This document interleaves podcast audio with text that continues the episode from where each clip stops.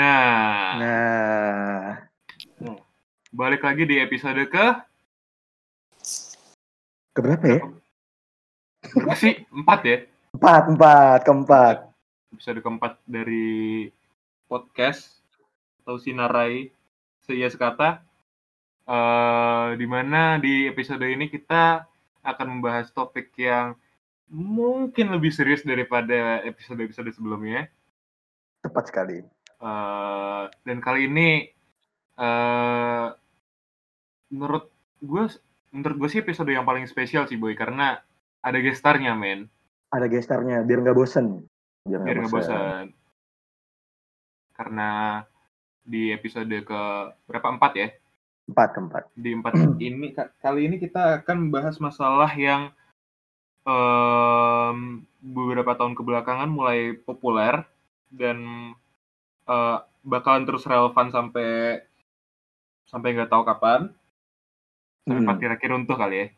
Bisa jadi Nah, kita akan bahas masalah feminisme, feminisme.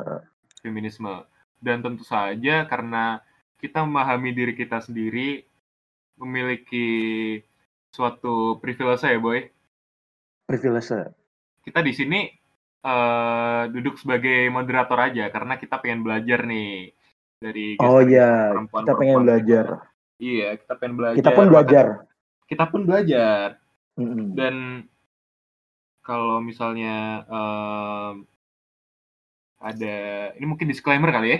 Disclaimer mungkin. Disclaimer kalau misalkan ada sesuatu yang ya Yang opini kurang. yang yang kurang, opini yang jelek gitu. Mohon nggak dimaklumi sih, cuma kayak mohon dianggap sebagai suatu proses dari unlearning gitu. Iya. Nah, nggak usah banyak bacot. Siapa aja yang ada di uh, episode keempat kali ini? Coba perkenalkan satu-satu. Dimulai dari siapa coba? Inka, coba Inka. Halo semua. Halo. Jadi nama gue Inka, gue dari UI, dari HI 2019 sama kayak anak-anak SIA sekata lainnya. Dan Hmm. jujur seneng banget sih kayak apa sih tiba-tiba eh, di line gitu suatu hari terus kayak eh lu mau nggak ngisi podcast ngomongin feminism gitu terus gue kayak wah anjir gitu kayak kapan lagi gue kayak gini Gak Kapan ada lagi ya? gitu lah platformnya siapa lagi gitu yang bakal nawarin gue Ada kok kita kalau kita bakal tet- tetap nawarin kok nanti-nanti. gitu ya Mm-mm. oke Yoi. Siapa? Siapa boy? Coba boy selanjutnya. Eh, siapa ya? Zaza, Zaza dulu kali. Hai semua, Halo. gue Zari Family, suka dipanggil Zaza, sama kayak Inka dari HIUI 19. Terima kasih for inviting me. You're welcome Zaza. Abis itu Ya, siapa lagi, Set? Yang terakhir, coba Alifa. Last but not least. Halo, Halo.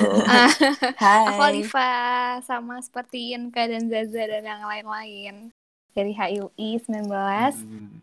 Jujur aku juga merasa sangat spesial diminta jadi guest star. Alhamdulillah. Iya, ini kenapa kita tiba-tiba ngomongin perkara feminisme karena gue secara pribadi sih ngerasa kalau ini di Sia sekata kayaknya cowok semua gitu kayak nggak ada representasi buat ngomongin isu yang lagi ya dapat Cukup dibilang populer. cukup populer apalagi di platform yang namanya twitter.com Wah, jelas. ya Wow. jadi kita ngerasa kayak kita perlu belajar gitu dari teman-teman kita Lalu belajar. yang perempuan iya kita perlu belajar dari teman-teman kita yang perempuan tentang apa sih sebenarnya feminisme itu nah di episode kali ini kita kayaknya ba- bakalan bahas kayak lebih ke feminisme 101 ya Ya, ya pengantar feminisme lah. Bisa dibilang pengantar gitu. feminisme kalau jadiin matkul mungkin kayak gitu ya judulnya Hmm, 3 SKS sih.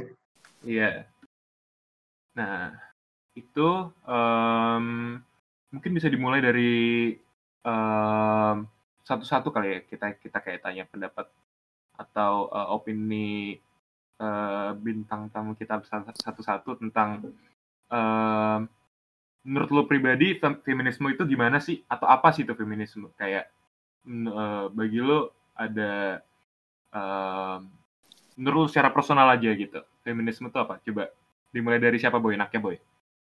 Dari siapa ya? Zaza kali. Gimana Za? juga lo. Ya dong Inka, gue kayak tadi agak kepencet apa terus takut agak error. Hmm. Scott gue, maaf. gitu ya Za alibi ya sumpah, sumpah demi, demi asli. dasar Udah Inka dulu deh kalau kayak gitu. Monggo. feminism buat gue ya Mm-mm. buat gue sih inti dari feminism itu ya eh, lo tuh diciptakan laki-laki atau perempuan Hmm. tapi lo tuh sama-sama manusia maka itu lo harus mengemban hak-hak yang sama dong gitu dan mungkin buat gue yang menonjol dari feminism itu adalah kata feminin. Di mana feminin itu adalah mungkin ya sikap yang kurang socially accepted. Femininitas perempuan atau bahkan laki-laki yang bersifat feminin itu tuh dianggap gimana ya? Aneh mungkin ya nggak sih? Hmm. kayak Hmm, eh, kalau misalkan laki-laki eh bersifat feminin, feminin dikit terus terus eh, ada gosip-gosip kayak eh dia tuh belok ya atau mungkin Oh. dikata-katain gitu dan itu menurut gue sih feminism itu intinya nothing wrong about being feminine gitu loh Hmm, hmm. Abang. Ya oke oke oke. Paham paham. Itu dia. Selanjutnya mungkin Halifa.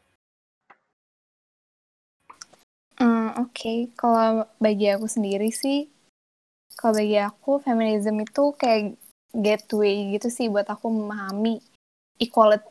Karena awalnya aku belajar feminism ya that's it kayak udah gender aja.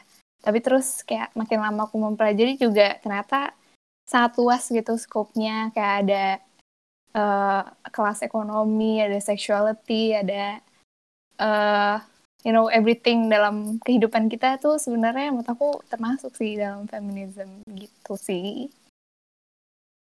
Hmm. Berarti dalam banyak eh, bidang, dalam banyak dalam kehidupan se- sebenarnya ada maksudnya yang berpengaruh terhadap diri mungkin ya. Mm-mm. Jadi kayak eh, experience kita sebagai perempuan tuh nggak cuma dipengaruhi sam- se- sebagai perempuan aja, tapi sama aspek-aspek lain gitu. Oke oke. Nah, coba selanjutnya Zaza. Aman? Eh, kalau menurut gue, feminisme itu sebenarnya bisa dikatain paham atau perspektif yang membebaskan sebenarnya pembebasan baik untuk perempuan dari standar-standar patriarkis yang terlalu mengikat kita dengan basis parameter yang vague dan gak jelas banget. Contohnya kayak, coba perempuan harus lu paksa untuk memiliki tingkat emosional yang lebih halus misalnya dibandingkan laki-laki.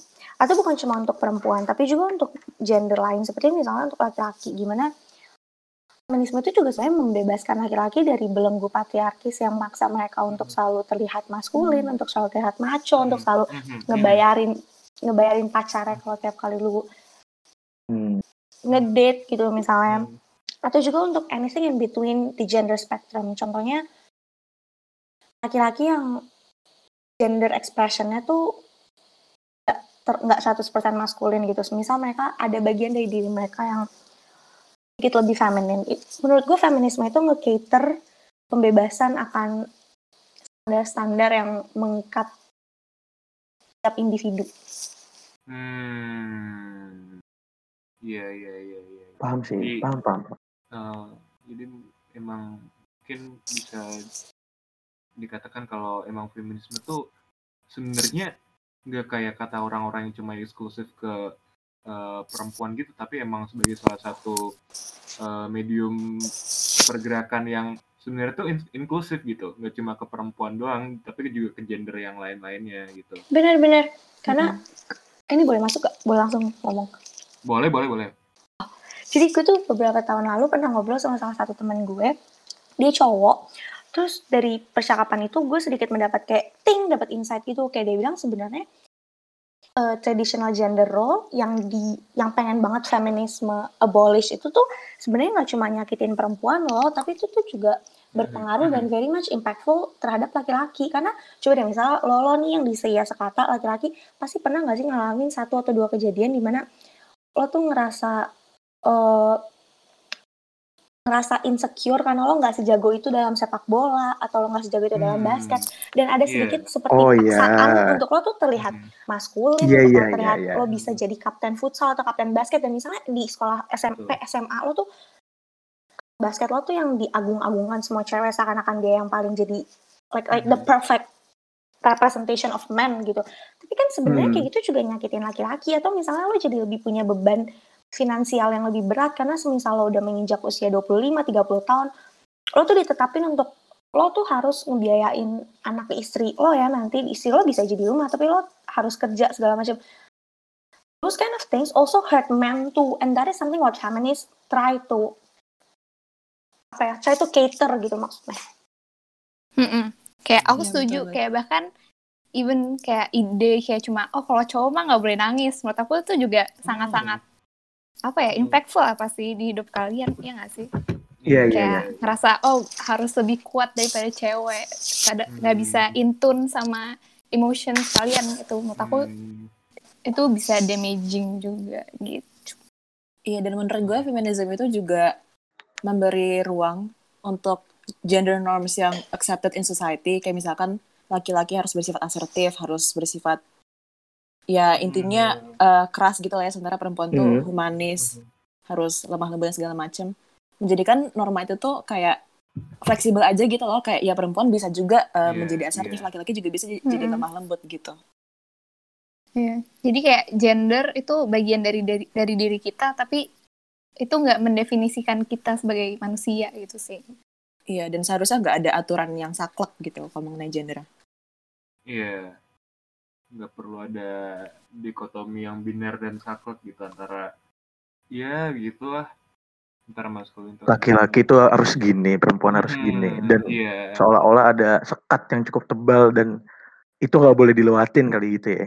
Iya, iya. Iya betul, Gitu. kayak why can we just be ourselves gitu loh. Kenapa kita harus Hmm. abide to these norms? Kayak kenapa gue harus Hmm. jadi homemaker? Kenapa eh, cowok gue harus jadi eh, breadwinner gitu? Iya iya iya. iya. Iya, iya, iya. Wah, setuju sih. Speaking of experience, emang banyak sih itu eh, banyak tolak ukur ter- tertentu yang harus dipenuhi untuk menjadi memenuhi jati di eh, memenuhi jati diri. Memenuhi standar laki-laki yang Iya. ditetapkan oleh society.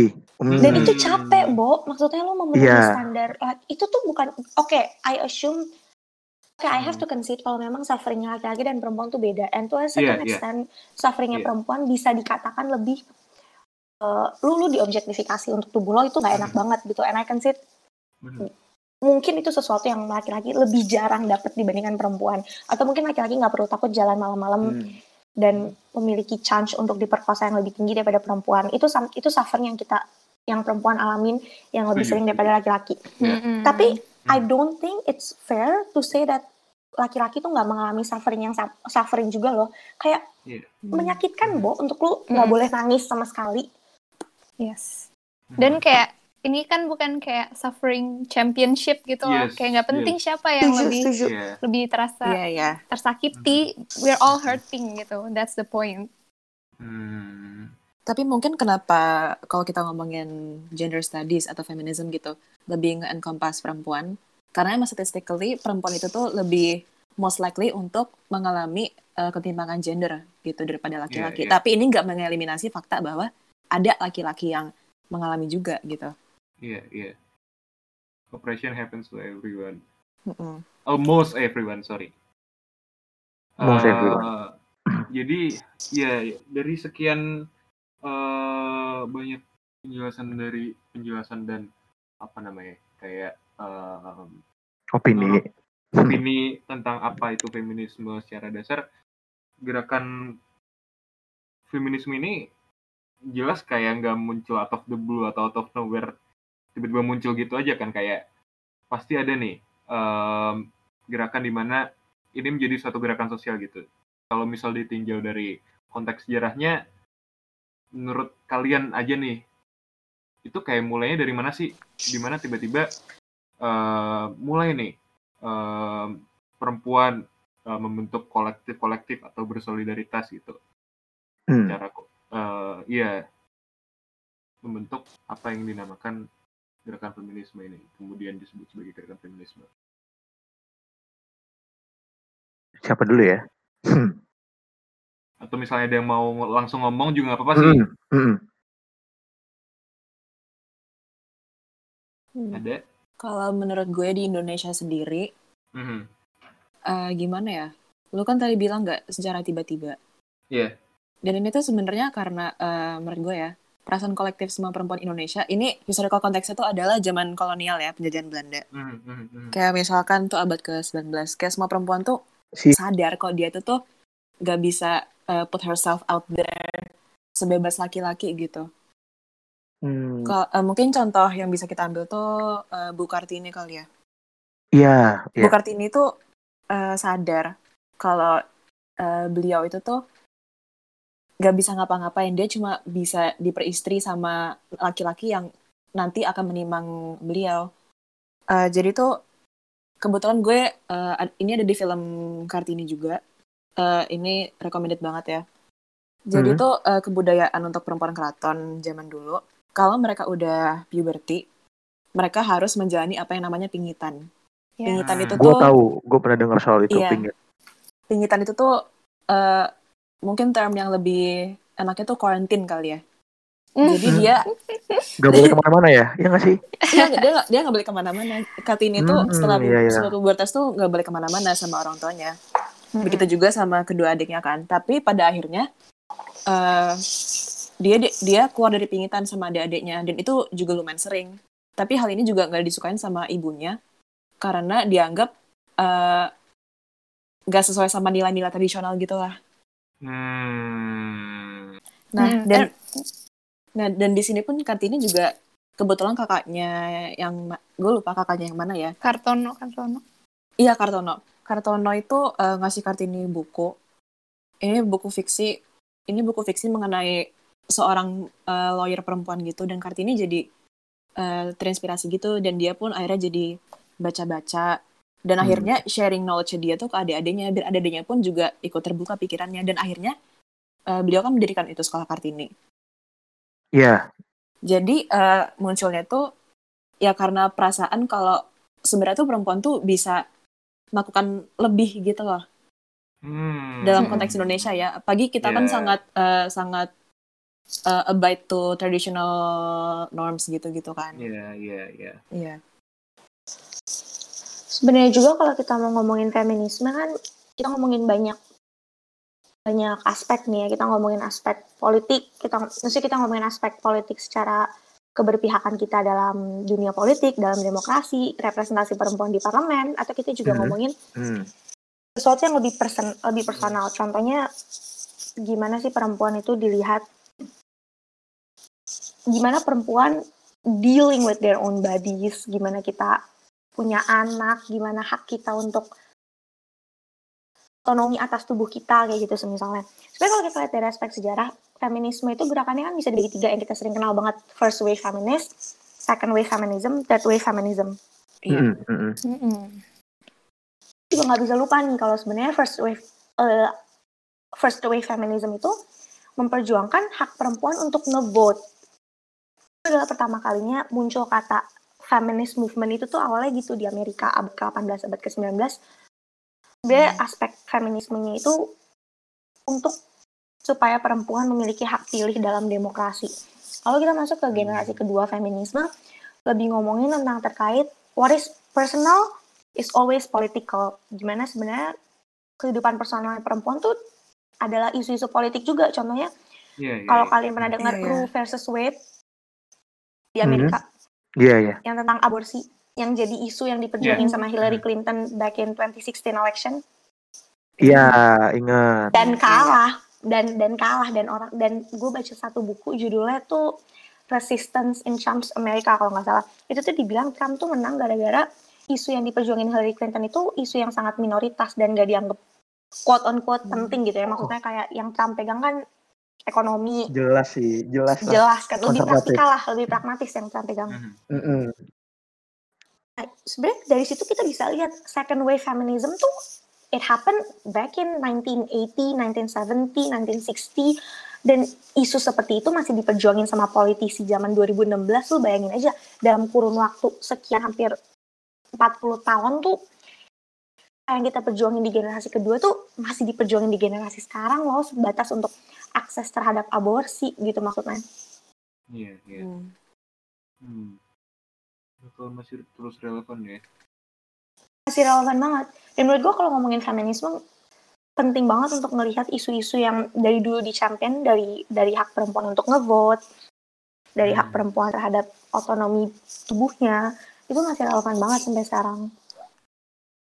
Hmm. Berarti emang kalau kita lihat secara konteks sejarah, banyak peristiwa sejarah yang memang society tersebut punya kecenderungan dalam tanda kutip merendahkan perempuan mungkin ya. Da- da- dari berbagai kebijakan politik, sosial dan segala macam. Dan sebenarnya ya mungkin kalau kita baca sejarah mungkin kita mungkin paham sih kenapa feminis sekarang bisa jadi lebih populer atau mulai lebih banyak orang yang ngomong soal feminis. Karena emang sebenarnya ini eh, diperjuangin sejak dari dulu.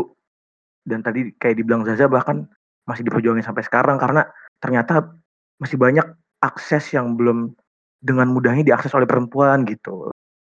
Iya ya dan dan mungkin oke mungkin sekarang kita gampang banget gitu untuk bilang seakan-akan ah cuma ngevote doang mah apaan sih di Indonesia semua orang bisa ngevote gitu. Hmm. Tapi apa kita sadari Hmm. aspek lebih luas dari se- sebatas ngevote itu adalah representasi perempuan di dunia politik. Berapa banyak sih sekarang presiden perempuan yang lo pernah lihat? Amerika aja tuh nggak punya, belum punya gitu Hmm. presiden presiden Hmm. perempuan. Gitu. Jangan perempuan untuk untuk masuk ke DPR aja tuh lu sekarang pakai affirmative action gitu. Itu kan Iya. affirmative Hmm. action is there untuk nunjukin bahwa belum setara nih representasi perempuan di politik Iya. dan sebenarnya kalau kita Hmm. tarik lebih dalam lagi itu nunjukin bahwa tidak adanya insentif yang menghargai perempuan untuk masuk ke lingkungan yang aman dan memang welcoming terhadap mereka nggak usah jauh-jauh Hmm. politik deh di industri perfilman aja banyak kok perempuan yang dilecehkan gitu Iya. istilahnya ya Iya, betul banget. Mm-mm. Hmm. Mm-mm. itu kan itu sebenarnya itu adalah inti dari gerakan feminisme juga bukan bukan hanya sebatas berapa banyak perempuan yang bisa mengakses insi- Hmm. eh, industri tapi juga bagaimana industri-industri tersebut tuh dibuat untuk menjadi lingkungan yang aman untuk perempuan supaya perempuan Hmm. masuk ke sana sebagai subjek sebagai sebagai manusia yang dihargai untuk kemampuan meritnya merit meritokrasi Hmm, mereka meritokrasi. Iya, ya meritokrasi mereka bukan Mm-mm. sebagai objek untuk bisa lo eh perempuannya cantik pelukannya gitu gitu bukan sebenarnya dan itu yang masih kita perjuangin sampai sekarang Iya, iya. Yes. Nah, em, berbicara tentang waves of feminism atau gelombang-gelombang feminisme, eh gue dulu pernah baca sekilas tentang eh, ada opini tentang eh, sebenarnya eh, periodisasi gerakan feminisme itu sebenarnya nggak perlu gitu karena dianggap eh, mengkerdilkan beberapa gelombang dibandingkan gelombang-gelombang lain yang lebih kontemporer itu. Menurut kalian gimana? apakah eh, periodisasi itu perlu untuk eh, menggambarkan kronologis gerakan feminisme itu atau eh, sebenarnya emang emang nggak perlu gitu karena Sama-sama penting yang diperjuangkan iya. mungkin. iya sama-sama penting betul dan sangat-sangat kompleks nggak bisa dikotak-kotakan begitu aja nah, menurut kalian gimana Kalau buat gue sih periodisasi itu perlu karena eh, perjuangannya itu berbeda dalam hal eh, historical context yang terjadi pada saat itu. Hmm, Sekali lagi itu kan Hmm, juga iya. perio- periodisasi gitu loh kan periode eh, perjuangan di abad ke-19 pasti beda dong sama abad ke-20 apalagi sama abad ke-21 gitu. iya. Dan mengenai kayak eh, kayak kenapa harus diperiodisasi kan semuanya kan semuanya penting. Ya kita anggap aja semua periode-periode itu penting. Kita anggap aja periode-periode itu eh, how come eh, women empowerment movement has come gitu. Iya iya iya.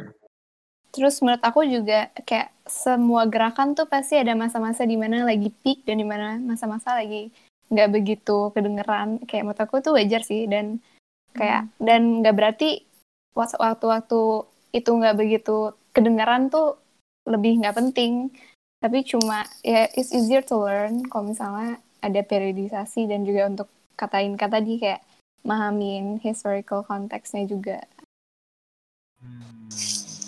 Sebenarnya mungkin intinya kalau menurut gue lebih ke periodisasi itu ada untuk mengingatkan kita how far have we gone? Dari sejak kita mulai pergerakan ini gitu. Kayak misalnya Mm-mm. sekarang tuh kita udah ada di titik apa seberapa jauh perjuangan yang udah kita capai sampai sekarang.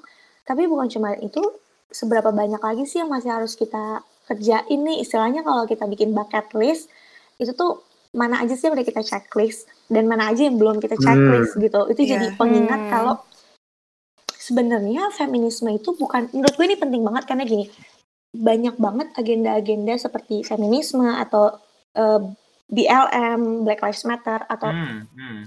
Pride Parade gitu misalnya eh, banyak banget agenda-agenda kayak gitu yang on the back of our head we oftentimes think kalau itu tuh sangat-sangat sangat tidak mungkin untuk dicapai di generasi mana pun. Menurut gue periodisasi itu ada untuk ngingetin kita kalau hey you know what? Okay it might seem like it takes a very long time to achieve tapi sebenarnya bisa loh dan possible possible aja. Buktinya dulu perempuan nggak bisa ngevote. Eh sekarang perempuan udah bisa ngevote and some dan eh, suara perempuan di pemilu tuh udah sesuatu yang umum banget loh dilihatnya. Itu tuh nunjuk memberikan kita harapan bahwa giving us the idea that any agenda that we have is actually very much possible to achieve. Walaupun mungkin itu nggak in the near future tapi it's possible to achieve gitu dan periodisasi help, helps us to to know that it's very much possible to achieve makanya kita nggak boleh settle di sini aja nggak boleh berhenti perjuangannya hmm. Oke. Dan kalaupun agenda, misalkan agenda dari eh, tahun 1945 belum kecapai sampai 2020 sekarang, Hmm. at least kita tahu gimana perkembangan kita dalam mencapai agenda tersebut gitu. Ya, Misalkan apakah udah 50% on the way atau mungkin udah 99%. Hmm. To keep intact Hmm. aja sih. jadi perbandingan lah ya Iya. hmm, Eh, nah, gue juga nggak ada masalah sih sama periodisasi karena menurut gue juga setiap zaman punya demand dan tuntutan yang tuntutan yang berbeda-beda dan hmm. seperti film aja sih film kan ada film yang dikatain the voice of generation gitu misalnya kayak How I Met Your Mother tuh generasi berapa sekarang tuh gener atau di Indonesia misalnya ada apa dengan cinta tuh generasi tahun 2000-an sedangkan 2000 belasan sekarang tuh generasinya generasi Dilan itu kan dua dua gambaran generasi yang berbeda kan tapi kayak maksudnya kita juga nggak akan melupakan generasi yang dulu-dulu and how every individual in every generation tuh relate terhadap isu yang berbeda-beda gitu. Mungkin sekarang gue nggak bisa lagi relate ke isu terhadap hmm, apa ya contohnya itu tadi sih misalnya perempuan untuk ngevote. Oke kita kita nggak bisa nge-relate lagi terhadap isu itu, tapi kita masih bisa loh relate terhadap isu aborsi. Kita masih bisa loh relate terhadap isu bagaimana perempuan tuh masih diobjektifikasi untuk sebatas physical appearance kayak gitu. Itu membantu sih dalam bagaimana kita nge-relate terhadap perjuangan feminisme. hmm, mungkin uh, tolak ukur kali ya. Jadi sebenarnya gerakan feminis ini udah sampai di mana dan kita belajar dari yang dulu Hmm, dan kalau bisa yang belum kecapai ya ke depannya kita usahakan untuk tercapai dan lebih baik gitu kali ya. Belajar dari yang dulu sih sebenarnya mungkin benar-benar. yang penting itu. Dan sangat mungkin gitu maksudnya memberikan kita Hmm. harapan bahwa sangat mungkin. Karena kalau dilihat bucket listnya juga udah ada beberapa agenda feminisme yang sudah tercapai kan walaupun gua- memang masih sangat Ya. Hmm. minim lah statistiknya. Hmm. Mm-mm. Nah, and and why is that? Karena kayak udah puluhan tahun eh, hal tersebut kayak diperjuangkan, eh, tapi kayak eh, mungkin beberapa dapat dikatakan kayak geraknya tuh cuma bare minimum doang gitu. Apakah ini eh, ada kayak permasalahan struktural karena eh, masalah em, orang-orang yang yang megang yang ditampuk kekuasaan gitu kayak eh, yang ya itu eh, apa namanya eh, belum belum cukup belum cukup melek kali ya terhadap isu ini gitu. bisa ya dibilang ya Para Hmm, pengemban kebijakan di atas sana mungkin atau gimana Iya. menurut kalian? aha.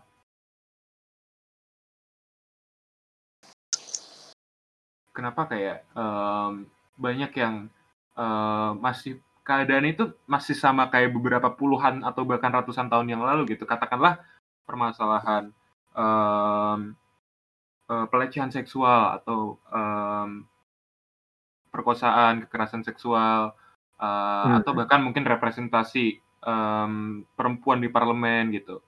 Apakah ini sebenarnya masalah itu di mana menurut kalian? Coba, apakah ad- ada masalah di em, di apa namanya secara struktural atau ada masalah internal dalam gerakan feminisme tersebut? Dan kalau misalnya ada masalah internal, apakah kalian punya otokritik atau gimana?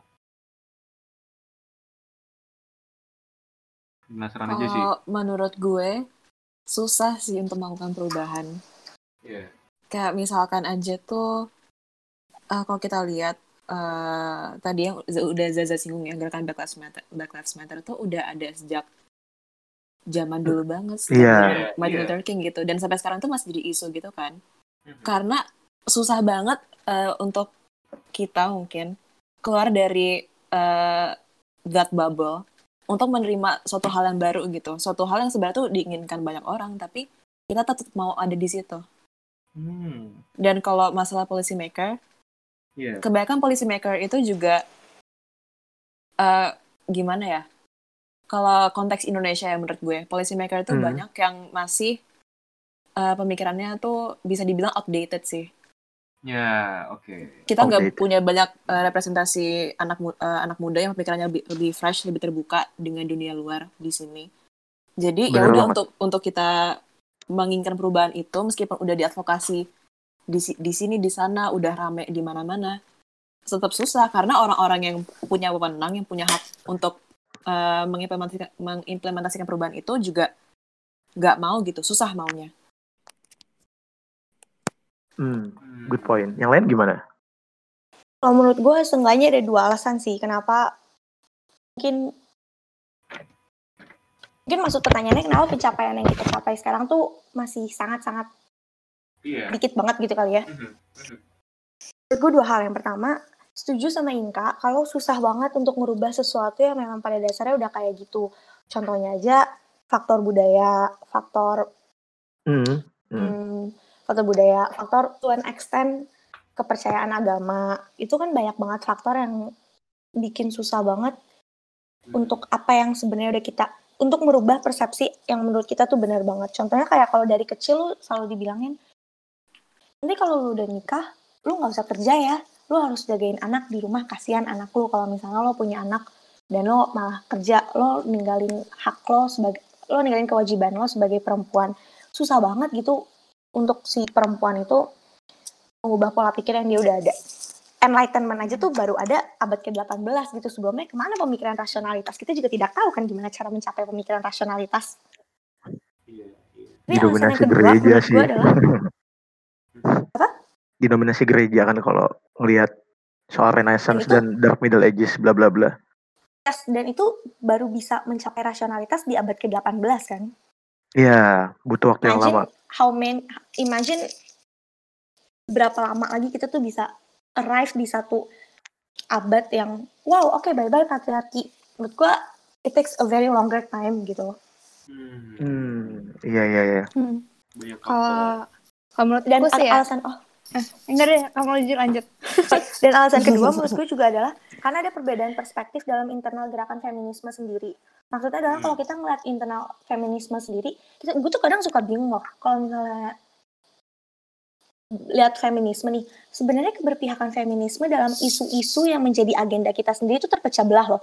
Take an example of aborsi. Banyak banget loh internal feminisme tuh yang ada yang setuju aborsi, ada yang nggak setuju aborsi Hmm. tapi mereka masih mengconsider diri mereka as a feminist gitu maksudnya. Dan itu menurut gue salah satu yang bikin kenapa salah satu contributing factor kenapa susah banget untuk achieve policy making in terms of aborsi. Karena dalam suatu gerakan yang mengusung agenda ab- aborsi sendiri itu tuh terpecah belah. Ada yang pro femini sorry ada yang pro aborsi ada yang anti aborsi atau bukan cuma itu deh kita lihat banyak banget sekarang intersectional feminism white feminism Ya. Mark- Marxist feminism, liberal feminism, itu kan istilahnya jadi kayak ada spektrum political leniency. Waduh, anjir, sekarang jadi makin ribet banget nih. Ada yang kanan lah, ada yang kiri lah, ada yang tengah, ada yang segala macam. Hmm. Di saat lu Iya, memiliki iya. spektrum poli spektrum yang segitu luasnya untuk orang tuh orang awam yang baru mau masuk feminisme mereka akan they're questioning in their head anjrit gue ada di spektrum yang mana nih? Ibaratnya kayak garis bilangan lo tuh nggak tahu lo tuh ada di titik nol ada di titik satu dua minus bahkan. Sangat Hmm. susah untuk memposisikan diri lo di netral atau nol gitu. Karena banyak banget isu-isu yang saling berketerkaitan dengan paham-paham yang berbeda. Dan sering banget kalau lo punya paham yang berbeda lo dicapnya anti feminis contohnya Hmm. lo ngebela lo anti aborsi dan lo tiba-tiba dikatain feminism tries to pursue choice and saying that you're against abortion meaning that you're anti-feminist menurut gue hal-hal seperti itu yang menjadi hambatan kenapa feminisme tuh agak mandek gitu istilahnya.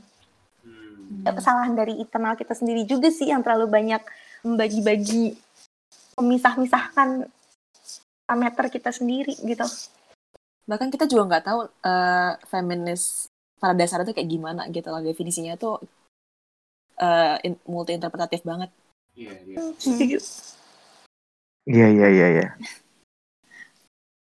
Kalau menurut aku ya, menurut aku perubahannya tuh lama banget dicapai karena nilai-nilai dari patriarchy tuh udah ingrain banget dalam segala aspek Mm-mm. kehidupan kita bahkan yang kita nggak nyadar kalau ini tuh sebenarnya damaging ke kita tapi kita masih kayak ya masih uphold itu karena that's what we know gitu kan. Iya. dan susah buat ngubah. Bahkan sesuatu yang kita nggak tahu kalau kita punya prejudice itu ya bakal susah kan untuk Hmm. mengubahnya. Dan kalau misalnya secara internal benar kata Zaza kayak eh, feminisme itu gerakan yang udah lama dan semakin lama ada ya pasti bakal semakin kompleks. Dan agendanya juga banyak dan semua orang pasti punya agenda yang berbeda punya pendapat yang berbeda di tiap agenda gitu. That's why kayak orang-orang jadi ya pasti feminisme semakin membingungkan dan semakin kompleks dan bakal ada semakin banyak perubah perbedaan pendapat dan bisa jadi masalah internal dalam gerakan feminisme itu sendiri. Iya. Paham paham. Hmm. Tapi ngomongin ngomongin soal eh, pada akhirnya orang bisa paham apa sih yang diperjuangkan oleh feminisme. Ngomongin soal kayak gitu. Nih, nih kalau gue pribadi ya, kalau gue pribadi ngomongin soal kayak ginian, mungkin kalau sama anak HI sama anak FISIP nyambung ya. Tapi ketika gue ngobrolin ini sama temen SMP atau temen SMA gue, jujur aja kayak mereka kayak apa ya? Gak aware sama sebenarnya apa yang kita lakuin selama ini salah loh dan apa ya kayak untuk menyadarkan mereka bahwa patriarki itu nyata tuh kayak Hmm. apa ya sulit karena seolah-olah tuh kayak udah jadi kebenaran di otak mereka yang udah apa yang turun temurun di Hmm. tanemin sama keluarga, tanemin sama society dan bla bla bla lah. Nah kayak gue ini sih maksudnya kayak cukup punya privilege untuk tahu bahwa wah sebenarnya ada nih kita budaya patriarki budaya patriarki yang merendahkan salah satu gender dari sekian banyak gender gitu ya. Dan itu sebenarnya nggak boleh. Nah tapi untuk capai ke titik itu tuh menurut gue itu susah loh kayak wah jujur lagi sih ya teman-teman gue yang ngerti soal gini-ginian ya paling anak fisip lagi anak HI lagi yang lain kayak kayak gimana ya, kayak sensitif Hmm. dan justru anti terkesan anti Mm-mm. sama orang udah ngomongin feminis feminis dikit nih kayak udah aduh udah feminis feminis oh SJW nih SJW nah kayak gitu gitu Ah, sih Iya, iya, iya. Mm-mm. nah itu menurut kalian kenapa bisa ya kayak gitu kenapa susah buat orang itu aware kalau apa yang kita lakuin ini salah loh selama ini gitu gimana menurut menurut kalian aku ya, menurut aku sih pasti ada salahnya di orang-orang yang mengaku sebagai feminis, tapi pe- cara mereka menyampaikan itu kayak, oh, aku udah tahu tentang ini, jadi aku Hmm. lebih baik dari kamu, I'm better than you. Kayak Hmm. sepi- kompleks superioritas gitu loh, dan orang-orang yang baru dikasih tahu jadi kayak nggak suka gitu loh, kayak cara nyampainnya terlalu Patronizing terlalu dan preachy gitu ya Iya, iya. kurang kurang down to earth gitu. Menurut aku sih di situ sih salahnya karena akhirnya semakin banyak orang yang melakukan penyampaian tentang feminisme kayak gitu, akhirnya ada juga stereotype SJW yang negatif itu dan makin bikin persepsi orang tentang feminisme makin jelek gitu. Kalau menurut iya, iya. gua, iya gue setuju banget sama Alifa tadi. Apalagi eh, banyak banget sekarang feminisme tuh yang dicap sebagai angry feminis tau gak sih? Yang ke sana tuh Iya, marah-marah iya, doang, Hmm, marah-marah doang. hmm, hmm, hmm, Menurut gue itu jadi mengham. Mungkin kalau pertanyaannya adalah gimana caranya untuk membuka mata lebih banyak orang tentang you know this shit is real and you gotta do something man. Itu tuh adalah dengan perluas diskursus, perluas diskusi-diskusi. Dan diskusi itu tuh bisa banget terjadi kalau misalnya lu satu yang mendekat Alifa tadi, lu nggak meninggikan diri lo, lo menaruh posisi lu sama aja kan mereka. Karena menurut gua gender tuh adalah satu-satunya, salah satu ilmu mungkin yang sebenarnya nggak ada yang lebih pintar dan nggak ada yang lebih bodoh gitu loh istilahnya. Karena because all of us are impacted by gender. Gender is something that kita kita ngapain aja, kita pakai baju warna apa, kita gaya jalan kita gimana, suara kita gimana, itu tuh dikaitkan sama gender expression kita kan. Itu it Iya, impacts iya. everyone gitu. Dan kalau lo mau membuka diskursus, lo harus mulai dengan itu, lo harus ada di kepala lo bahwa oke mungkin gue memang nggak belajar gender, studi gue bukan studi sosial, eh studi gue bukan studi sosial politik, tapi gue sebenarnya bisa loh ikutan ngomongin gender karena it impacts us also gitu. Satu itu perluas diskusi, satu itu perluas diskusi. Hmm. Yang kedua juga, jangan pernah punya mindset kalau orang-orang yang bisa diajak ngomongin ini adalah orang-orang yang ada di lingkungan sosial politik aja. Karena the moment we have that mind, oke, I can see it memang kebanyakan orang di luar dunia sosial politik kurang aware akan hal ini. Tapi Mhm. satu-satunya cara supaya buat mereka aware adalah get engaged with them, talk to them, Hmm, have hmm. discussion with everyone. Oke, oke. Hmm. Dengan hal itu menurut gue lu lebih membuka banyak banget eh, apa ya lebih membuka banyak banget ruang untuk membuat mereka memahami bahwa hal ini adalah sesuatu yang impacting mereka juga Hmm, hmm. kayak gitu Dan Dan kamu- aku dan bahkan sebenarnya Eh. banyak loh Ngomong semua ya. Dan bahkan menurut gue sebenarnya banyak loh orang-orang yang ada di fakultas teknik ITB gitu misalnya. Hmm. yang terimpactful juga akan hal ini. Cuma mereka kurang dapat istilahnya apa ya highlight gitu untuk menyuarakan hal ini. Karena maksudnya gue sering banget Bo ngomongin feminisme sama anak ITB gitu misalnya. Mm-mm. bahkan yang tadi gue mention di awal yang tentang I owe it to him tentang apa tuh yang patriarki menyakitkan laki-laki dengan segala macam tuntutan akan maskulin gitu. Itu tuh anak ITB sekarang gitu maksudnya Hmm. Oke, oke. Jadi mungkin poinnya saja tuh ya mengurangi eksklusivitas isu Hmm, yang Iya. apa yang benar. cuma orang feminis aja nih dalam tanda kutip orang feminis doang yang bisa ngomongin gitu ya. Hmm. Hmm. dalam tanda kutip bukan cuma orang sosial politik doang lah yang bisa ngomongin sebenarnya it opens to everyone because it, it impacts everyone dan kadang tanpa kita Ah, sadari iya, mereka iya, tuh iya. sudah mem- the deepest part of their heart mereka tuh tahu loh sebenarnya isu ini tuh efek ke mereka juga cuma mereka tidak diberikan ruang untuk berdiskusi karena sekalinya mereka menyuarakan pendapat apa yang langsung muncul di dekat ala lo laki-laki lo tahu apa sih tentang perjuangan kita ah lo Hmm. lo, lo punya bener. privilege banyak banget ngapain lu Iya, nggak bisa ngomongin Oh, tentang apa-apa iya, lu iya, nggak ngerti iya, apa-apa iya. Iya, iya, iya. tentang kita Hmm. jangankan itu jangankan untuk terhadap laki-laki ya terhadap perempuan yang tidak belajar di bidang gender gue sering banget loh ngeliat banyak banget komen di twitter kayak lu ngerti apa sih pemahaman lo tuh masih liberal feminis banget Oh nggak ada God. kayak gitu itu menurut gue to a certain extent gimana lo mau membentuk solidaritas untuk mereka sadar kalau isu ini impactful terhadap mereka juga kalau misalnya sekalinya mereka ngomong mereka langsung diserang dengan segala macam Iya. segala macam Hmm. Alasan yang Hmm. susah banget untuk dimengerti orang yang baru mau tahu tentang feminisme gitu istilahnya. Ya misalnya setiap hari lu belajar matematika dan fisika terus tiba-tiba lu dikasih pemahaman tentang gender yang berbelit-belit ribet-belit, orang juga malas nggak sih ngedukung feminisme. Hmm. Hmm. Iya, iya, iya, iya, paham, paham, paham. Dan kayak gitu yang harusnya ada gitu diskursus yang lebih bener kata Alisa yang lebih down to earth, yang lebih istilahnya yuk ngobrol yuk kayak lu ngobrolin tentang Hmm. percintaan aja kan lu nggak nggak akan bilang kalau eh gila lu hebat banget ya cintanya gini gini gini. Eh, you wouldn't say that kan? Maksudnya, lu akan menganggap itu sebagai suatu experience yang pernah lu alamin. Itu dengan Hmm. lu kayak engage dengan anak-anak ITB anak-anak di luar bidang kita. That's how you make people feel like this impacts them so much and this would attract them to actually be our ally. Hmm. Pokoknya membuka ruang diskusi yang sehat dan nggak langsung attack orang waktu mereka opininya berbeda sama kita. Iya, Iya. iya, iya. Dan buat gue kenapa tadi kan di boy bilang yang ngerti isu ini tuh paling anak FISIP kan. Pengalaman, because- pengalaman gue gitu. Nggak, tapi bener soalnya gue juga. Tapi eh, sebenarnya ya, kenapa emang anak FISIP doang yang ngerti? Because we have the privilege untuk mempelajari gender dalam matkul-matkul kita. Iya. Jadi yes, kalau- agree banget sama Inka. Jadi kalau di kalau di lingkup UI ya, gue kurang tahu buat di univ-univ lain. Kalau anak-anak FISIP itu tuh semester pertama itu dapat yang namanya pengantar antropologi sama pengantar sosiologi. Oh itu ada gendernya dua-duanya tuh. Di dua ada gender. Gue kebetulan waktu itu Hmm. pernah presentasi gender juga. Jadi di situ anak-anak yang bahkan awalnya nggak ngerti apa tentang gender juga ngerti gitu loh kalau gender tuh Iya, iya, gini, iya, gitu, iya, iya, gitu. Gender tuh multidimensional. Gini gini gitu gitu.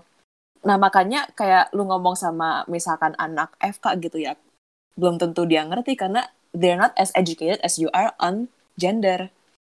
Jadi kalau Hmm. untuk membuka diskursus mengenai gender, eh, lo harus menurut gue ya know your audience Hmm. dan lo harus Benar-benar. dengerin harus dengerin juga kayak perspektif mereka mengenai gender tuh apa Eh, dengerin dulu kayak misalkan eh, pendapat mereka kayak gimana apakah terprejudice atau gimana dan baru kita kasih tahu kayak sebenarnya tuh kayak yang kayak gimana sih yang apa sih tak eh, bahasan yang bener mengenai gender gitu harusnya tuh dibahas seperti apa dan kitanya sendiri juga nggak boleh terprejudice juga gitu loh Gue setuju banget sama Inka. Tapi menurut gue bahasa yang lebih tepat tuh mungkin bukan orang-orang yang lebih educated tentang gender, tapi orang-orang yang lebih memiliki exposure akan gender itu sendiri. Karena Mm.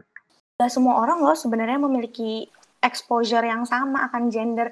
Ibaratnya contoh nih mahasiswa FK yang tiap hari belajarnya biologi atau mahasiswa yang SMA-nya IPA tiap hari belajarnya ketemunya matematika dan aljabar doang. Terus kuliahnya juga ambilnya matematika atau teknik sipil, semisal gitu. Mereka kan nggak ngerti maksudnya gender sebagai konstruksi sosial itu tuh apa, kenapa feminisme Hmm. dibutuhin, isu-isu yang feminisme perjuangin itu sebenarnya apa sih? Menurut gue itu tuh masih masih kurang banget gitu hal-hal kayak gitu Mm-mm. karena walaupun gender tadi gue bilang bukan sesuatu yang ada orang yang lebih pintar dan ad- dan ada orang yang lebih bodoh nggak ada seperti itu di gender tapi kita harus akui loh kalau pemahaman akan gender itu sangat sulit banget Iya. susah Mm-mm. banget untuk lo mengetahui Hmm. apa itu gender? Kenapa namanya gender role, gender stereotype? Kenapa bukan sex Mm-mm. stereotype? Apa yang membedakan seks Nah. sama gender? Apa yang feminisme perjuangkan sebenarnya? Kenapa bisa ada transgender? Iya. Apa sih itu chismil tuh apa sih sebenarnya mereka tuh gimana? Hmm. Itu kan sangat susah, sangat susah, sangat kompleks untuk dipahami, apalagi sama orang-orang yang tidak memiliki exposure terhadap dunia sosial politik seperti kita. Jadi menurut gue sebenarnya kita sebagai mahasiswa sosial politik kita memiliki tanggung jawab moral untuk ngajarin terhadap orang-orang yang nggak punya privilege terhadap hal terhadap exposure terhadap hal-hal seperti itu untuk mereka tuh juga seenggaknya dapat sih gambaran dari ini tuh apa maksudnya. Makanya gue suka kesel banget kalau misalnya orang yang dari bidang ilmu bukan sosial politik itu terus mereka langsung dicaci maki, langsung di cancel karena mereka nggak ngerti Iya, gender. iya. Ya mereka aja Iya, nggak iya. punya exposure terhadap Hmm. pengantar ilmu Mm-mm. sosiologi dan antropologi yang kita miliki. Ibaratnya lo marahin bayi karena bayi nggak bisa main PS gitu kan? Bayi aja nggak tahu Mm-mm. gimana cara main PS. Mm-mm. Hmm. Iya iya iya benar benar sih. Hmm. Hmm. Iya iya Terus iya. kayak kita juga harus ingat kita at one point juga di sisi mereka yang belum se terekspos itu terhadap Iya, iya. tentang gender itu sendiri. Jadi kayak yang gimana sih masa kita mau educate orang lain tapi langsung ngatain ngatain orangnya gitu. Ya, soalnya banyak orang-orang yang baru belajar mengenai suatu isu atau suatu ilmu, terus ngerasa kayak, aduh, anjir gue sekarang woke banget gitu. Orang-orang yang gak sepemikiran sama gue, nggak woke nih gitu. Dan malah jadi nggak disebutkan Iya. orang-orang yang nggak tahu kan gitu. Jadi, apa sih tadi, eh, eksklusif, eksklusivitas ilmu ya masuknya. Nah, itu Hmm. nggak boleh sih. Ilmu is for everyone. Iya. Eh BTW gara-gara Inka nyeletuk tentang Tadi Kak lu ngomong apa? Eh yang Apa? eh aduh tadi lu ngomong apa sih terakhir? Eksklusivitas ilmu. Tentang apa? Gue lupa. Tapi intinya tuh gue jadi mau ngomong pokoknya tadi pas Inka ngomong itu gue jadi kepikiran kayak gini. Oh walk bagaimana orang yang walk Hmm, merasa wokeness. merasa Oh, iya, iya. wokeness itu gara-gara itu gue jadi pengen ngobrolin ini deh. Gue tuh merasa kadang banyak banget jadinya orang-orang yang dicap sebagai anti feminisme padahal mereka simply cuma tidak memiliki pandangan yang liberal aja. Contohnya kayak misalnya gimana banyak orang Twitter yang suka nyalahin kalau apaan sih lu katanya feminis tapi kalau jadi ibu rumah tangga menurut gua sebenarnya Oh my god, Mm-mm. I hate that. jadi ibu rumah tangga, jadi cewek yang masakin pacar lo, yang yang bikin kue untuk pacar lo, yang bikinin bekal untuk suaminya, atau lebih memilih anak dibanding karir, sama sekali doesn't does not make you less of a feminist or less of a woman you are. Setuju. Yes. Setuju banget. Mhm, mhm. Kalau feminisme itu adalah ideologi yang membebaskan perempuan dari belenggu yang mengikat, kenapa lo harus menghukum perempuan untuk mengekspresikan dirinya? Iya. menurut gue menjadi ibu rumah tangga mengurus anak itu tuh sama loh susahnya dengan Mhm. naikin led, naikin kapitalis ladder di perusahaan konsultan untuk jadi untuk dapat promosi Dan bikinin cowok lo masakan tuh juga sama sama sama membebaskannya lo sama lo menjadi wanita independen yang tidak terikat dengan hubungan sebenarnya sama aja kalau feminisme adalah ideologi membebaskan why should you punish women for the choices that they make. Iya, Setuju iya. banget. Dan kayak kalaupun kita milih pilihan yang mungkin lebih konform ke norma masyarakat terhadap perempuan, itu kayak nggak bakal bawa feminisme kembali ke tahun 1940-an gitu loh. Kayak Mm-mm. kita Iya, iya, harusnya iya. bebas gitu untuk memilih kayak menurut aku benar kata Zaza kayak it's the freedom gitu loh kayak terserah kita mau jadi wanita karir mau jadi rumah tangga ya terserah kita dan itu pentingnya kita ngerasa sebagai perempuan kita punya pilihan buat jadi ibu rumah tangga atau buat jadi apa namanya jadi wanita karir itu, itu sih Gue jadi ini deh, jadi keingat ada movement gitu. Zaman-zaman kita SMP SMA deh kalau nggak salah. Intinya tuh kayak perempuan-perempuan eh, gitu menolak hijab, tapi meskipun tapi bener-bener kayak nolak mentah-mentah gitu lalu lu nggak lu nggak nanya ke perempuan kayak kenapa lu pakai hijab gitu dia tuh langsung kayak ngapain lu pakai hijab lo mau ebat ke norma-norma eh, Islam yang Hmm. malah mengengkang Iya, lu gitu iya. padahal tuh itu juga pilihan si perempuan itu loh kalau dia mau berhijab gitu Mhm. Iya, Setuju. iya. ada deh itu tahun 2000 berapa ya 15-an 16-an lah ya kayak pandangan western juga gitu loh kayak terhadap perempuan Islam yang pakai hijab tuh oh ini pasti diopres sama agamanya Iya, iya. tapi Nah, enggak iya, gitu iya ya masa gitu. tuh feminisme itu tuh harusnya tuh bisa eh beradapta bukan beradaptasi sih cocok sama everyone iya cocok sama eh, western norms tapi juga cocok sama eastern norms gitu loh relativis. Hmm. Hmm. meskipun emang susah untuk ngedelivernya sih dan pasti banyak prejudis-prejudis yang malah terbelakangi Iya. Berarti kayak dari beberapa obrolan, beberapa menit ke belakang, dapat- mungkin dapat bisa gue simpulin kalau sebenarnya tuh eh, PR-nya tuh dalam tanda kutip adalah eksklusivitas yang terjadi dalam gerakan. Iya, eksklusivitas yang Hmm. terjadi dalam gerakan eh, feminisme ya. Jadi kayak bahkan ini pun eh, kalau kita lihat secara eh, luas kayak ini aja eh, notabene baru terjadi di eh, kalangan kelas menengah gitu yang Hmm. Mhm. yang apa Mhm. namanya yang Lagi-lagi punya punya privilege ya. privilege, punya pilihan untuk mengetahui Iya. punya pilihan untuk mengetahui punya akses untuk mengedukasi dirinya sendiri gitu apalagi sama eh, apa namanya dalam konteks Indonesia kayak iya jelas kaum menengah ka- kaum kelas menengah ke bawah dan kaum eh, pekerja itu kayak nggak punya akses dapat dikatakan kayak minim sekali akses untuk mengetahui hal-hal seperti ini gitu Iya. tahu eh Gerwani telah eh, Hmm. melakukan eh, hal ini untuk eh, dalam tanda kutip kaum kaum grassroots gitu untuk mengedukasi mereka sederhana seperti poligami dan untuk eh, mengubah undang-undang perkawinan pada saat itu sehingga eh, kayak gerakan ini menjadi gerakan yang inklusif gitu bagi semua kelas Mm-mm. Eh, eh, karena gimana ya kayak bisa dilihat akhir-akhir ini em, eh, gerakan eh, feminisme itu em, bisa dibilang dikomodifikasi gitu dikomodifikasi oleh para pemilik modal eh, dijadikan dalam tanda kutip gimmick-gimmick eh, untuk ya untuk semakin apa namanya eh, memperluas memperluas pasarnya dalam kepentingan untuk eh, eh, memperluas pasarnya.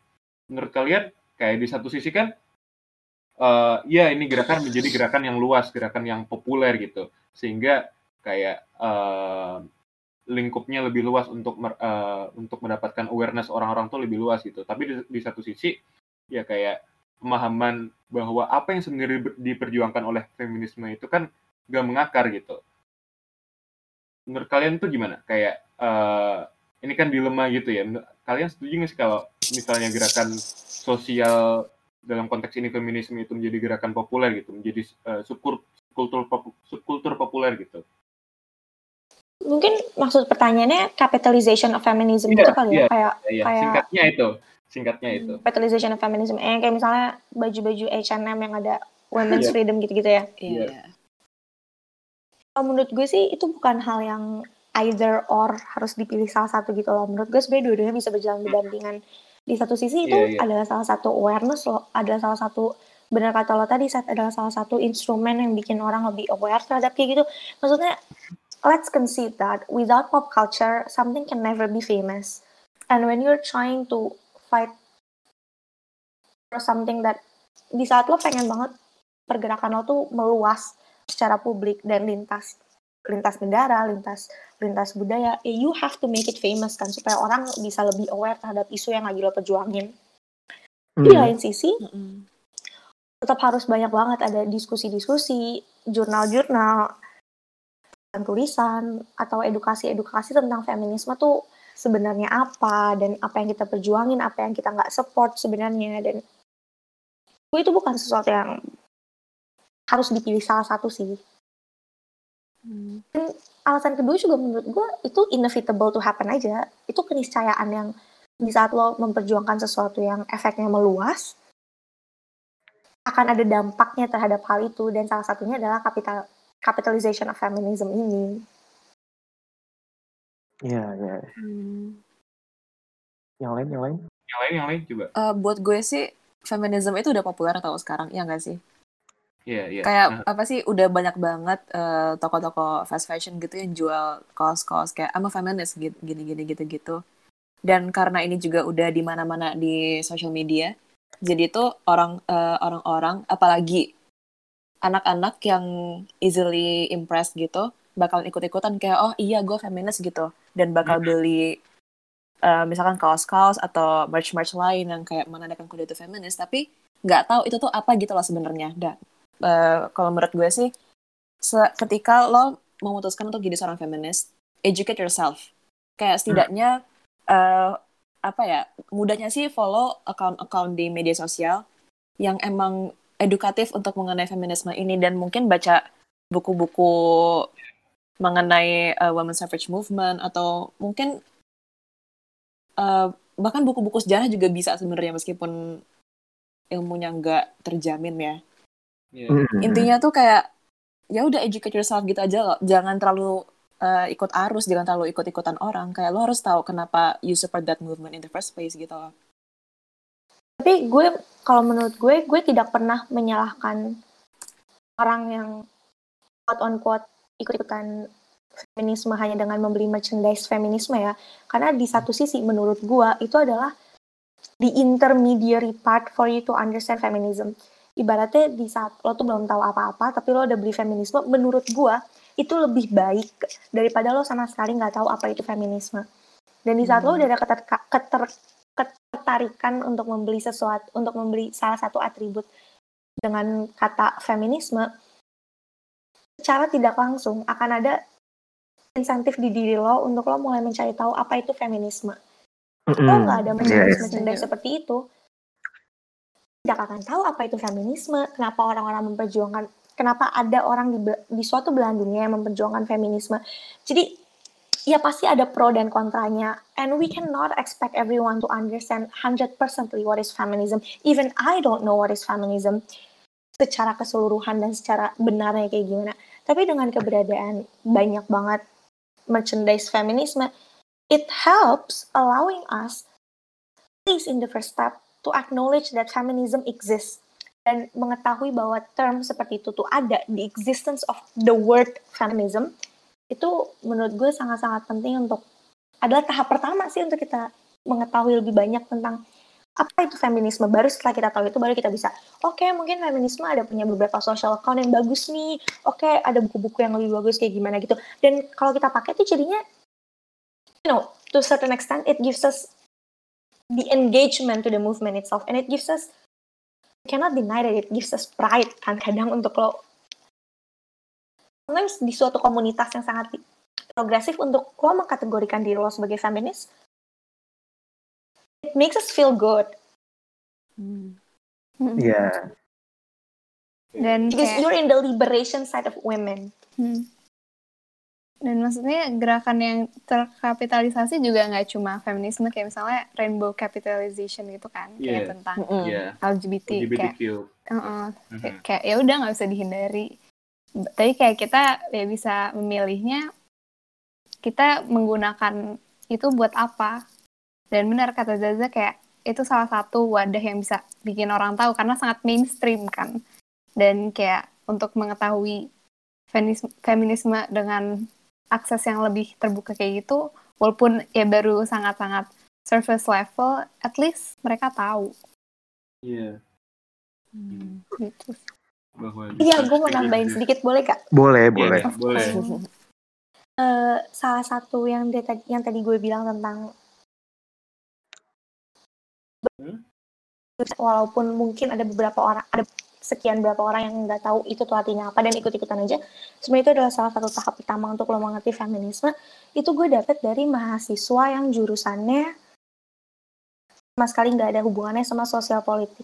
Jadi the moment you open the discussion dan lo lo memposisikan diri lo sebagai orang yang belajar dari semua diskusi yang lo dapat walaupun dari orang yang mungkin nggak belajar politik kayak lo itu the moment lo akan lebih terbuka dengan banyak banget perspektif karena percaya nggak yang tadi tuh gue dapat bukan dari orang sosial politik loh Iya. Hmm.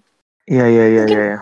dan pandangannya mengajari gue akan hal baru yang oh iya ya bener juga gila kok gue nggak pernah kepikiran hal itu the moment when you open your discussions to some dan lo tidak mengkategorikan diri lo sebagai guru tapi lo mengkategorikan diri lo sebagai orang yang menyerap ilmu dari semua orang menurut gue gerakan feminisme harusnya kayak gitu sih jadi tidak elitis gitu loh kesannya tidak mensuperioritaskan benar-benar. diri lo Iya, iya.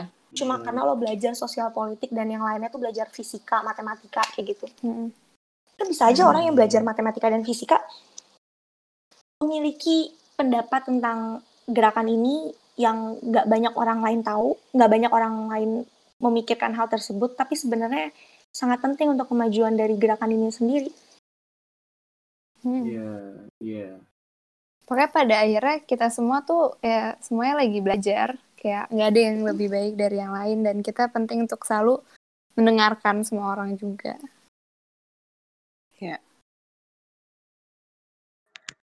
Hmm, jadi mau mau apa pun medianya, mau dari merchandise, mau dari atribut yang lu beli di toko, casing HP yang lu beli di pinggir jalan, sebenarnya itu justru momen pertama lu mungkin bisa tahu feminisme itu apa ya karena ini kan udah populer nih. Iya. Jadi kayak dengan sendirinya lu bakal bertanya-tanya kayak feminisme itu apa sih sebenarnya gitu dan medianya banyak gitu Mhm. dan Hmm. nggak bisa di apa ya nggak bisa ditolak ya pasti namanya pasar ya kan Iya, Mengik- iya. mengikuti Ada apa yang juga. populer iya kan apa yang Betul. populer ada demandnya segala macem berarti yang emang inklusif lah ya supaya substansi dari feminisme itu ya diperjuangin sama-sama ketimbang lu ribut soal spektrum lu ada di kiri kanan tengah bla bla bla ya Mm-mm. Iya, dan Gitu mengkritik mengkritik kapitalisasi feminisme juga nggak akan merubah hal apa pun. You know, company still going to ruin at least in the near future. Hmm. Pasar masih akan ada. It's not something that you can eliminate Iya. in a sudden period of time ya. Maksudnya gue nggak bilang kalau ke depannya nanti there, there's hope that maybe Hmm. Kemungkinan Menarik. pasar akan lebih mengecil. Cuma maksudnya dalam jangka waktu sampai at least kita mati deh, pasar tuh masih akan ada dan mereka masih akan selalu ingin meraup keuntungan dari apa yang lagi ada dalam lingkungan Hmm. publik. Dan bahkan menurut gue gini loh, menurut gue fakta uniknya adalah di saat udah di saat pasar di saat ada company-company yang mulai mengadres isu feminisme dalam brand mereka, itu kan berarti menunjukkan bahwa adanya demand dari masyarakat untuk produk tersebut kan. Karena kalau nggak ada demand dari masyarakat, mereka ngapain kayak gitu nggak ada yang beli. Iya. mm-mm. Iya kan? Hmm, Karena kan pasar bekerja berdasarkan demand. Kalau nggak ada demand, mereka nggak akan mengeluarkan produk tersebut. Jadi dengan dikeluarkannya produk tersebut, itu tuh udah nunjukin loh sebenarnya masyarakat kita tuh udah aware banget sama feminisme dan they want to actually engage in this particular issue. Dan menurut gue it's a good it's a good apa ya? It's a good achievement sebuah kita udah ada di titik di mana mayoritas dari kita sudah menganggap kesetaraan gender should be the norm. Kayak gitu. Hmm, benar. Hmm. Jadi kayak mungkin yang bisa di highlight dari percakapan yang sejam lebih ini ya. Nggak, nggak kerasa ya? Gak Udah kerasa sejam sih, gak kerasa sih. Nggak kerasa sih. Gak Oh, kerasa iya, sih. sangat. Emang, Mm-mm. hmm, emang seru sih kayak belajar dari eh, perspektif orang yang berbeda-beda gitu kan. Iya. Apa sih? Iya. Tentang apa sih sebenarnya feminisme gitu. Kayak Eh, emang eh, seru tapi sih. seru deh. Abis ini nanti kapan-kapan kita kalau tentang bahas ini undang dari orang-orang dengan background pendidikan yang beda dong, biar kita bisa tahu input dari mereka gimana. Karena kadang boleh mereka sih. tuh they're very much very engaging to this issue sebenarnya. Coba kapan-kapan kita undang dari ITB Hmm. misalnya dari atau dari Boleh, boleh. teknik UI Hmm. misalnya. Ada sih Hmm. temen gue sih sebenarnya mau dari UGM. Iya kan, baik banget Boleh. kita undang dari DP juga. Terus Semoga atau mungkin bisa kolektif juga ini gede dari sih. yang Wah. mungkin dari yang sexual orientationnya lebih beragam misalnya atau Iya. dari Wah, iya. Oh iya. Iya, sebenarnya fun, penting no? banget, Wah, penting banget lu bahas feminism dari orang-orang lebih LGBT itu tuh penting banget. Hmm. Hmm. Itu penting Lo kan banget lebih sih. bisa melihat Perspektif gimana itu. Wow. Hmm. mungkin oke gue nggak menyamaratakan sih tapi mungkin what is feminism to me to Alifa to Inka it's gonna be more or less similar in a way Iya. karena Iya. kita datang dari background pendidikan yang lumayan sama and kita sama-sama perempuan semisal tapi kalau misalnya lo Mhm. juga melihat dari anak teknik sipil misal atau dari anak fisika misalnya lo akan melihat gimana sih dan dari cowok misalnya lo akan lebih melihat gimana sih feminisme tuh in- has impacted has impacting their lives in what aspect Hmm. it has impacting their lives dan Hmm. they actually say about it Hmm. Iya, iya, iya. Wah, iya sih. Emang seru banget sih kayak belajar dari orang-orang yang Boleh sih ngobrol eh, sama menarik menarik eh, good menarik advice. ya. Iya, mungkin episode Menarik ini jadi kayak episode batu pertama kali ya buat apa sih Hmm. kayak em, sebagai sarana, sebagai wadah, sebagai platform untuk kita pass the mic nih sama orang-orang yang eh, harus menyuarakan tentang apa yang telah dialami selama ini gitu. Ya, itu, itu sih. Iya, Kalau kita bisa kolektif ini gede dan kita bisa ngundang lebih banyak narasumber yang lebih beragam, bla bla bla ya. Makanya Dapat follow sih. diskusi tuh lebih seru Oh, dengan sih, orang yang beragam tau Iya. sebenarnya dengan orang yang Setuju. berbeda Iya, iya. pendapat Iya. banget sama kita bakal Karena muncul dialektika. Iya iya iya benar ada ada dialektika sendiri karena kalau kayak gini jadinya lo seakan-akan ya lo cuma mengagree dengan apa yang sudah lo setujui sebelumnya di kepala lo tapi kalau terbuka Iya. dengan banyak hal kayak wow ternyata bisa ya orang mikir kayak gini Mhm, Mm-mm. mhm. Setuju banget, setuju dan banget. mungkin kita bisa tahu juga kenapa sih perempuan susah banget untuk diterima di lingkungan STEM yang ada teknik dan matematika karena kita, kita nggak tahu nih karena kita backgroundnya sosial politik kita nggak bisa we cannot say on behalf of their experience Iya. kita bisa tanya juga Hmm. perempuan yang ada di ITB mungkin mereka Hmm. lebih tahu lingkungannya segala macam Iya. Mm, sih. Untuk langkah pertama mungkin emang kita eh, nyari yang eh, orang-orang yang berada di, di lingkungan sekitar kita kali ya. Jadi kayak Iya, kita iya. masih ngomongin masalah yang ya dapat dibilang surface bisa level. nanti season 2 nya gitu ya Iya. kita diundang Hmm. lagi dong tapi tetap Jadi seolah-olah kayak nggak Iya. jadi Pasti dong, Za, pasti. Undang lagi, undang lagi. Semuanya Iya. diundang kok. Asik banget. Jadi dalam tanda kutip kita kayak nggak menciptakan sebuah apa ya, echo chamber gitu, tapi alih-alih kayak menciptakan apa yang namanya ruang-ruang dialektika dan diskursus, diskursus, di- diskursus gitu. Mm-mm. Bener, bener, bener. Jadi mungkin yang benar-benar bisa di highlight dari episode ini kayak Dan lo bisa nemuin common ground dengan orang iya yang berbeda iya, pendapat. Aha. dan itu kayak asik. Sebenarnya we're all humans that are impacted by the traditional gender role that is imposed on us. Sama aja kita sebenarnya nggak ada yang berbeda. Walaupun Mhm. memang sufferingnya beda, gender kita beda, sexual orientationnya beda, pengalaman kita beda. Hmm, iya sih.